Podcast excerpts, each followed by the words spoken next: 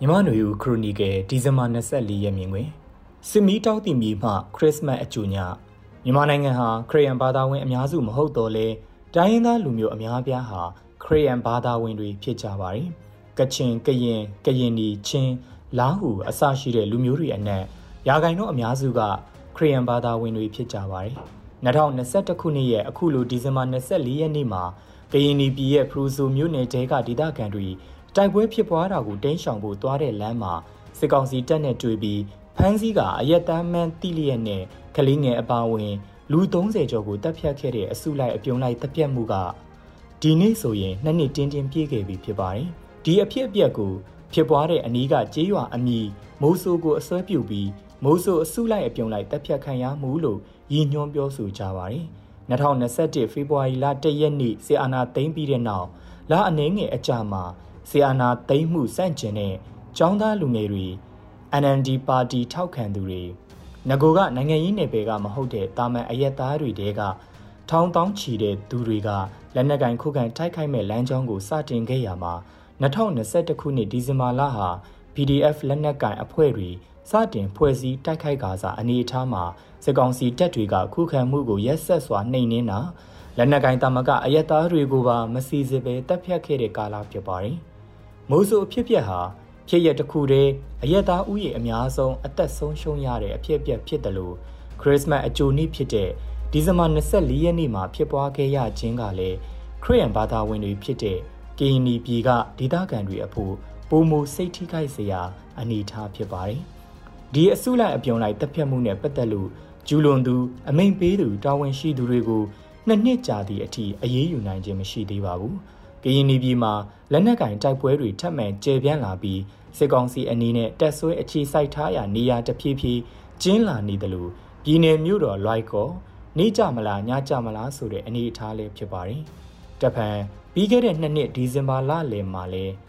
KNU ရဲ့တပ်မဟာ6ဧရိယာတဲကလေးကေကော်မြို့တစ်မှာစစ်ကောင်စီတွေဝင်ရောက်စစ်ဆေးရာကစတင်ပြီးတိုက်ပွဲတွေဖြစ်ပွားခဲ့တဲ့အဖြစ်အပျက်လည်းဖြစ်ပွားခဲ့ပြီးအခုဆိုနှစ်နှစ်ပြည့်ခဲ့ပြီဖြစ်ပါတယ်။ ငင်းချင်မြို့သေးလိုအမိပေးထားတဲ့လေးကေကော်မြို့ကိုစစ်ကောင်စီကဝင်ရောက်စစ်ဆေးဖို့တပ်တွေနဲ့ဝင်လာပြီးခိုးလုံနေတဲ့ NND လွှတ်တော်ကိုယ်စားလှယ်တဦးနဲ့တခြားသူတွေကိုဖမ်းဆီးသွားရာကလေးကေကော်တဝိုက်လက်နက်ကင်တိုက်ပွဲတွေစတင်ဖြစ်ပွားခဲ့ပြီးကရင်ပြည်နယ်မြဝတီမြို့နယ်တဝိုက် KNU နဲ့စစ်ကောင်စီအကြားတိုက်ခိုက်မှုတွေကြေကြေပြန့်ပြန့်ဖြစ်ပွားခဲ့တာဖြစ်ပါတယ်။လက်နက်ကင်ခုခံတိုက်ခိုက်မှုစစ်ကောင်စီရဲ့လက်နက်ကင်တပ်တွေကိုအနိုင်ယူတိုက်ခိုက်ပြီး အပီးတိုင်ဖယ်ရှားပစ်မယ်လို့ရည်ရွယ်ကြတဲ့ PDF အဖွဲ့တွေငကိုကလေးကရှိနေပြီးတိုင်းရင်းသားလက်နက်ကိုင်အဖွဲ့တွေရဲ့ခုခံမှုထိုးစစ်ဆင်မှုတွေနှစ်နှစ်ပြည့်လာချိန်မှာစစ်ကောင်စီတပ်တွေရဲ့စိုးမိုးထင်းချုံနိုင်စွမ်းကအကန့်အသတ်တွေအများကြီးရှိလာတာဖြစ်ပါတယ်။တစ်ဖက်မှာလည်းမြို့တွေဒါဇင်နဲ့ချီတဲ့မြို့တွေကိုတင်းယူဖို့ကြိုးစားနေတာအချို့ကိုတင်းယူနိုင်ခဲ့တာတွေလည်း2023ခုနှစ်နှောင်းပိုင်းမှာဖြစ်ပေါ်လာတာဖြစ်ပါတယ်။2023ခုနှစ်ဒီဇင်ဘာလမှာတော့ ကရင်ပြည်မှာလည်းလက်နက်ကင်တိုက်ပွဲတွေဆက်လက်ပြင်းထန်နေသလိုရှမ်းပြည်နယ်မြောက်ပိုင်းတရုတ်နိုင်ငံနဲ့နယ်နိမိတ်ထိစပ်နေတဲ့ဒေသတလျှောက်မှာလည်း TNL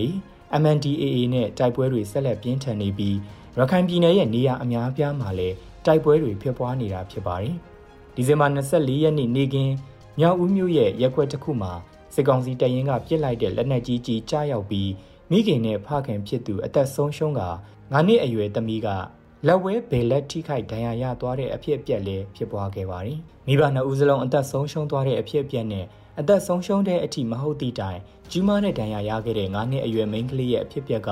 ပြည်တွင်းစစ်ရဲ့တရုတ်ကိုလှည့်ဟပြလိုက်တယ်လို့ရှိနေတယ်လို့ဆိုရမှာဖြစ်ပါတယ်။နှစ်90ကျော်ကြာမြင့်လာတဲ့ပြည်တွင်းစစ်မီးကိုငြိမ်းဖို့အတွက်စ조사နေကြရင်2021ခုနှစ်ဖေဖော်ဝါရီလ1ရက်နေ့ဆီအာနာသိမ်းမှုကစစ်မီးကိုအသစ်ဖြစ်အောင်လောင်စာတွေဖြည့်တင်းလိုက်တယ်လို့ဖြစ်ပြီး ငကိုကစစ်မီးမတောက်ခဲ့တဲ့သကိုင်းတိုင်းလိုမကွေးတိုင်းမန္တလေးတိုင်းလိုဒေသတွေအထိစစ်မီးကျေပြန့်စွာတောက်လောင်လာခဲ့ပြီးဆီယာနာရှင်စနစ်ကိုအဆုံးသတ်စေဖို့စစ်ပွဲဆင်နွှဲပြီးအနိုင်ယူဖို့လမ်းကြောင်းပေါ်ရောက်ရှိလာခဲ့ပြီဖြစ်ပါတယ်။ခရီးယန်ဘာသာဝင်တွေအဖို့အထွတ်မြတ်ထားတဲ့အခါသမယဖြစ်တဲ့ခရစ်စမတ်အခါသမယကိုစစ်မီးရှန်ကြားမှာဖျက်တမ်းရတာတတိယအကြိမ်အချိန်ကာလအဖြစ်နှစ်နှစ်ပြည့်မြောက်ခဲ့တာလည်းဖြစ်ပါတော့တယ်ခင်ဗျာ။